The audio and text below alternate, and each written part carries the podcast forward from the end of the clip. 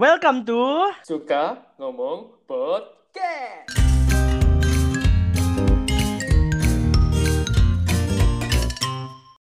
Ting Tong Ting Tong. Oke, udah episode berapa nih kita nih, Edo nih? Waduh, gak ngerti dah nih. Ya udah episode 6 mungkin ya nih. ya. Iya, episode 6 bener banget. Oke, jadi kali ini kita kedatangan Terus- tamu lagi nih. Waduh. Oke, siapa namanya nih? Nama aku. Oke, Iya.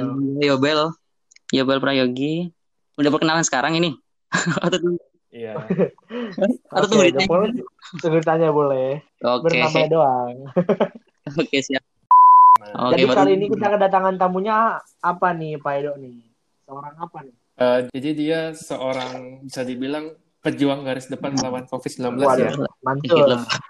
Lebay. lebay. Iya. Jadi kita langsung dari langsung pertanyaan ya. Background dia apa gitu ya biar langsung ngerti ya. Oke, Boleh, boleh. Oke, nama aku Yobel ya. Gua sebagai perawat di sebuah rumah sakit negeri di Jakarta. Ya, begitulah kehidupan seorang perawat. Tiap harinya ya ngerawat pasien, ya seperti itulah.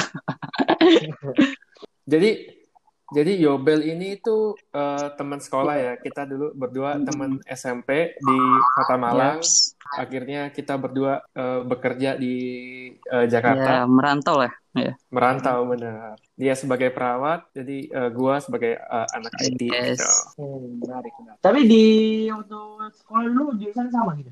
Kan di SMP kan? Oh di SMP ya? Oh di SMP ya? SMP, SMP. Next question. Silakan Edo. Nah, eh, kerjanya ngapain aja sih? kerjanya seorang perawat itu yaitu berurusan dengan orang-orang sakit kita ngerawat pasien mulai dari datang kita anamnesa terus habis gitu kita tentukan diagnosa keperawatannya juga nah itu ya kita kolaborasi sama tenaga medis yang lain kayak dokter, nutrition, terus farmasi buat terapi-terapi pasien yang dirawat di rumah sakit itu. Hmm, Hmm. Oke, oke. Terus next question, Eh, kita tahu nih sekarang ada corona, ada COVID-19 Yo, di di Jakarta. Apalagi Jakarta termasuk zona merah. kan?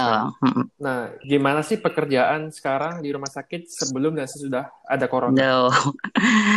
Waduh, beda banget cuy, sumpah. Kayak gimana? Coba diceritain. Sebelumnya sebelum Share-share ada dikit. COVID ya. Karena tempatku itu kan juga rumah sakit rujukan kan. Jadi pasien itu banyak. Jadi pasien mau tindak kayak kolonoskopi trakeoskopi gitu tuh emang banyak banget tempatku. Apalagi kan aku tempatku di IPD ilmu apa tuh? Tempat penyakit dalam. Jadi tindakan-tindakan kedokteran medis gitu banyak. Nah itu yang buat buat kita itu agak kewalahan ya. Kalau kerja di rumah sakit yang ya bisa dibilang ya cukup gede lah gitu Hmm. Karena salah satunya juga jadi rujukan COVID. Nah, Jadi bener. eh, rumah sakit eh, kalau lagi kena COVID kita bawa ke rumah sakit ini aja Ya, gitu ya. kadang-kadang gitu juga. Tapi sebelumnya itu ada dua rumah sakit negeri yang dibuat apa tuh namanya rujukan COVID. Rujukan. Tempatku itu belum, Mas Yan. Karena kasusnya semakin banyak, pasien semakin banyak, terus pasien itu kadang-kadang screening di IGD itu bocor sampai ke ruangan gitu. Ada PDP Hmm. gitu lah. Jadi mau nggak mau kita ngerawat lah. Nggak mungkin lah kita tolak-tolak pasien gitu ya. Iya. Iya, betul, betul. Jadi kita itu mulai tanggal berapa itu ya? 1 April itu mulai ada pelayanan COVID khususnya sama PDP. Oh. Mm-mm. Terus em, sama ini berarti tinggalnya di mana tuh? Kalau aku sendiri sih ngekos ya, aku ngekos. Tapi selama ada COVID ini dapat fasilitas sih kita. heeh. Karena aku juga kan dari ruangan sebelumnya karena banyak yang kasus COVID-nya semakin banyak gini, banyak perawat-perawat dari ruangan semua itu ditarik ke pelayanan COVID. Itu jadi orang-orang yang ngerawat COVID sama PDP ini dapat fasilitas ya kayak rumah rumah singgah lah gitu. Tapi ya lumayan sih Oh. di hotel. Oke. Jadi udah tinggal di hotel berapa lama? Di hotel aku udah satu setengah bulan nih. Ah, Jadi sekarang di hotel terus ya satu setengah bulan ya. iya, Asik. iya, ya begitulah. Em, tapi itu tuh pertama-tama eh, COVID masuk berarti masih di kos apa di hotel? Kalau pertama pertama COVID masuk itu masih pulang pergi kos, Mas Yan. Oh. Nah, ada pertanyaan menarik nih. Waktu Kak Yogi, kasih Kak Yogi nggak? Iya, Itu waktu em, tahu Yogi kan perawat nih. yaps. Di daerah-daerahnya itu gimana perlakuan masyarakat waktu tahu kayak gitu? Oh, yang itu kayak perawat ngerawat COVID gitu. Iya. Iya, Iya. gitu. Kan kita sempat kan kita sempat dengar ada Iya banyak berita gitu ya. Heeh. iya Gak ada penolakan boleh ke lah. kos Ya, ada gitu. penolakan Iya sih, aku juga kadang-kadang ya juga miris kan dengar teman-teman banyak yang diusir sama yang punya kos gitu. Terus sampai tapi sempat sempat ngerasain nggak puji Tuhan nggak sih? Untung lah. Oh. Ibu kosku tuh baik banget orangnya. Aduh. tapi teman-teman satu pekerjaan gimana Kalau menurut teman-teman aku yang biasa sharing-sharing gitu, yang ngekos ngekos sih nggak ada masalah sih mereka. Masih lingkungan kos-kosan mereka itu masih menerima mereka lah gitu. Tapi mungkin mereka ya nggak gimana ya mungkin ya, nggak secure lah. Iya, takut ada stigma negatif ke perawat gitu kan. Takutnya Iya, bawa virus iya, betul. gitu kan. Iya, iya, benar. Tapi untungan nggak ada sih teman-teman. Ya aman lah. Untungnya sekarang juga dikasih rumah singgah ya. Iya, ps, rumah singgah. Masih rumah singgah. kamarnya pindah atau tetap terus Kamar apa nih maksudnya? kamar hotel Kamar hotel. Tetap Mas ya. Iya. Teman satu kamarnya juga tetap. Hmm. Ya, kita tugasin sampai itu selesai kita ngerawat COVID kan. Jadi dibatasin satu apa pegawainya yang kerja di pelayanan COVID itu. Kalau di tempatku sistem kerjanya itu satu bulan kita ngerawat, dua dua minggu kita off gitu. Oh. Ntar ganti gitu. orang lagi, ganti orang lagi gitu. Sampai ya pandeminya selesai lah gitu. Ini berarti lagi off atau gimana? Kalau sekarang ini lagi itu masih di pelayanan COVID tapi libur. Itu jadwal dapat Oh. libur ini.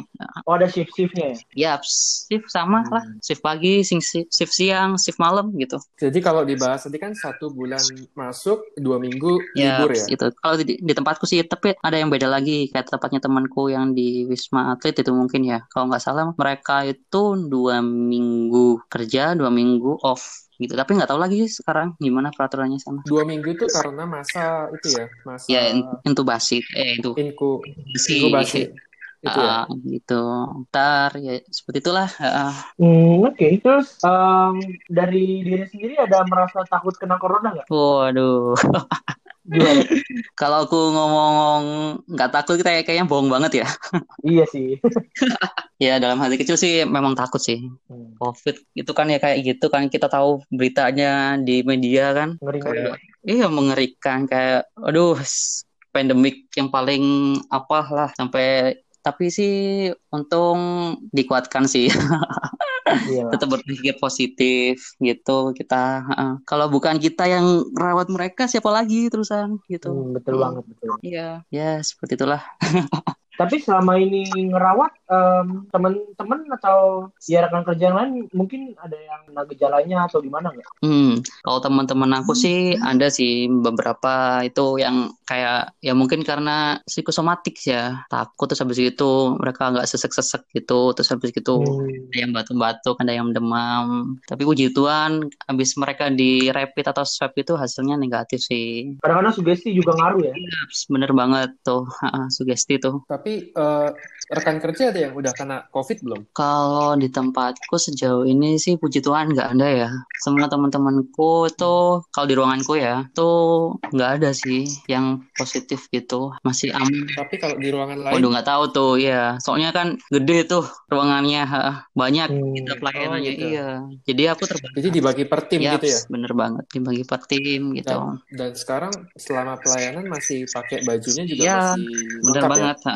Ha. Hazmat ya pakai itu coverall, kacamata Google, ya gitu. Oh, Iya. pemakaiannya berapa lama Tergantung shift. Biasanya sih maksimal itu 6 jam sih. udah 6 jam dalam baju kayak gitu. Ya, ha, Sauna 6 tuh jam. Ya, bener banget tuh. Buka gitu udah basah kuyup dah kita. Jadi ya gitu, kayak seper- kayak shift pagi gitu ya, 6 jam. Terus sama shift sore 6 jam, terus sama shift malam 6 jam dibagi lagi 6 jam gitu. Hmm. Ya, seperti itu lah. selama satu shift berarti nggak boleh ke kamar mandi dong ya nggak bisa makan Iya. nggak bisa kamar mandi Iya bener banget.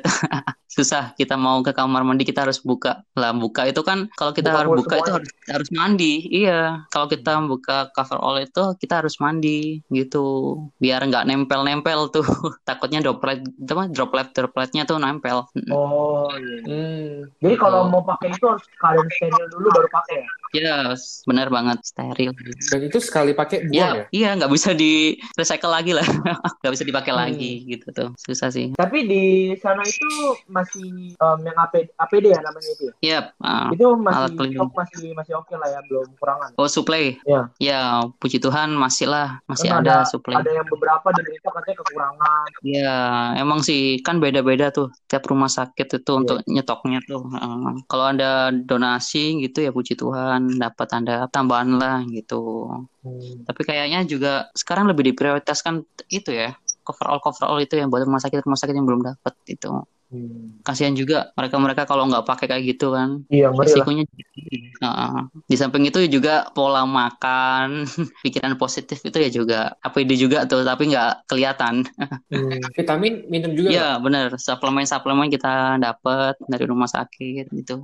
tiap hari minum gitu ya. Iya ada sup- suplemen kayak vitamin C, B kompleks gitu-gitu ada. Jadi tindakan prevention dari pihak rumah sakit untuk atau yang dilakuin sama petugas medis ya itu ya. Oke, iya itu. Heeh. pola Pola makan, makan, istirahat yang cukup, vitamin suplemen. Heeh. Kalau ada gejala cepat lapor, itu biar ditanganin sama pimpinan atau katimnya. Em, selama jadi perawat di pandemi COVID-19 ini, ada pengalaman-pengalaman yang menarik nggak?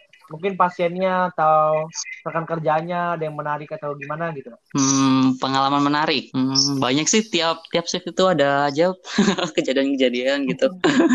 ada kayak apa ya contohnya ya? Kayak perburukan pasien lah kayak gitu. Karena kan biasanya kalau di tempatku kan PDP tuh. Hmm. Itu karena pasiennya udah ada komorbid. Eh, komorbid itu kayak penyakit penyertanya gitu, penyakit turunan gitu. Hmm. Terus habis itu ditetapkan jadi PDP karena hasil ronsennya infiltrat atau rapidnya reaktif gitu. Nah, itu kadang-kadang ada aja kondisi-kondisi jelek gitu. Mulai dari nggak apa-apa ini pakai bahasa medis ya. Iya, Kayak- boleh boleh. Kayak saturasi oksigen gitu turun mulai 88 gitu. Terus kita turun lagi gitu. Terus tensi tekanan darahnya mulai turun lagi. Terus habis gitu takikardi lah apalah gitu itu memang agak itu rempong tuh pasien-pasien kayak gitu. Heeh. ya gitu sih. Terus ada Terus misalnya apa lagi? ada ini nggak pasien yang nggak mau dirawat gitu atau dijemput sama keluarganya? Ada ada juga. Ada juga tuh pasien tuh karena dia kan kalau di PDP, ruang PDP gitu kan memang harus diisolasi kan keluarnya nggak boleh jenguk kan ya. Hmm. Nah, itu kadang-kadang ada yang nggak mau tuh padahal hasil swabnya tuh belum keluar gitu kan. Hmm. Kan jadi menakutkan tuh kadang-kadang dia minta APS tuh atas permintaan sendiri buat pulang gitu. Hmm. Kan kasihan juga, Keluarganya. kasihan ke tenaga medisnya, kasihan juga ke keluarganya juga. Iya.